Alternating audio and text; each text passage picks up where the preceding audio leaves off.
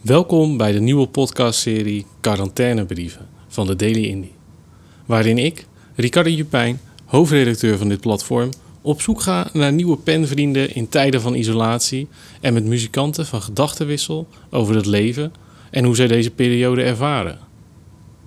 Ik open deze serie met Lars Kroon, die je mogelijk wel kent van Go Back to the Zoo, Saint-Tropez en zijn nieuwe soloproject Lars and the Magic Mountain. Ik schreef hem de volgende brief in afwachting van zijn reactie. Het is 25 maart 2020. Lieve Lars, hartstikke bedankt voor niet alleen de brief, maar ook het boek. Ik zal er voorzichtig mee omgaan.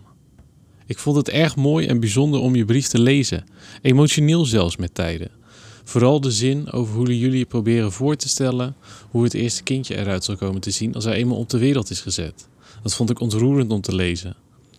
Daarnaast staan er een paar dingen in deze brief van jou die echt bizar zijn, maar daarover later meer. Iets anders dat mij opviel was de geur van de brief. Op een of andere manier ruikt hij naar studio en oude analoge apparatuur. Ik zou ook wel weer eens in de studio willen zitten, maar voorlopig is er überhaupt even niet zoveel te doen tot 1 juni. Aangezien ik mijn geld verdien met allerlei leuke opdrachten in de live-industrie, ligt niet alleen mijn inkomen volledig op zijn gat, maar ook een hele hoop werk. Tel erbij op dat veel releases van albums al worden doorgeschoven en vervolgens zit ik met een totaal lege planning voor mijn neus voor de komende maanden. Om eerlijk te zijn is het ergens fijn om niet een agenda te hebben met iedere dag meerdere deadlines, dag in dag uit. Maar tegelijkertijd is dat ook hetgeen wat mij voortdrijft. Aan zoveel vrijheid moet ik nog wel wennen, merk ik. Ineens hoef je niet meer en mag ineens alles en zoveel keuzevrijheid kan ik niet 1, 2, 3 meer aan. Het liefst heb ik zo min mogelijk keuzes, dat vind ik een stuk makkelijker.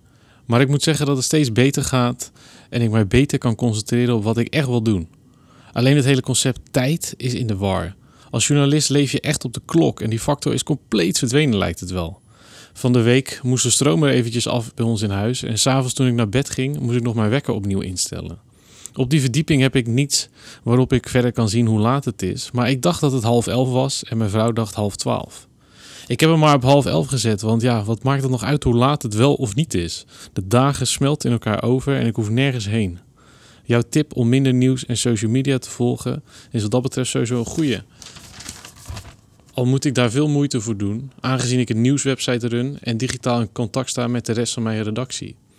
Het is zo moeilijk om dan niet toch even te kijken. Het schrijven van brieven helpt wel, want daarvoor moet ik even afstand nemen van alle schermen. Dus nogmaals, bedankt voor je antwoord. In deze envelop heb ik, het zal je niet ontgaan zijn, even eens een boekje gestopt. En wel De Profeet van Gibran. Vorig jaar ben ik met Tamino op tour geweest in Casablanca. En in mijn voorbereiding las ik dat hij dit als een van zijn favoriete boeken beschouwt. Er staan prachtige verhalen in over werk, kinderen, vreugde en verdriet, de dood, praten, vrijheid, de liefde en het huwelijk. Over dat laatste schrijft hij onder meer: Hebt elkander lief, maar maak de liefde niet tot een verplichting. Laat zij liever een zee zijn die deint tussen de kustlijnen van uw beider ziel. Vult elkanders beker, maar drink niet uit één en dezelfde bokaal. Geeft elkander te eten, maar eet niet van één en hetzelfde brood. Zingt en danst samen, maakt het leven tot een feest, maar laat elkaar vrij, zoals de snaren van een luid op zichzelf staan, al doortrilt hen dezelfde muziek. Laten we anders de boeken weer uitruilen als deze crisis voorbij is en we elkaar weer kunnen omarmen. Fijn dat je in de tussentijd trouwens zoveel muziek maakt en het mixen onder de knie krijgt.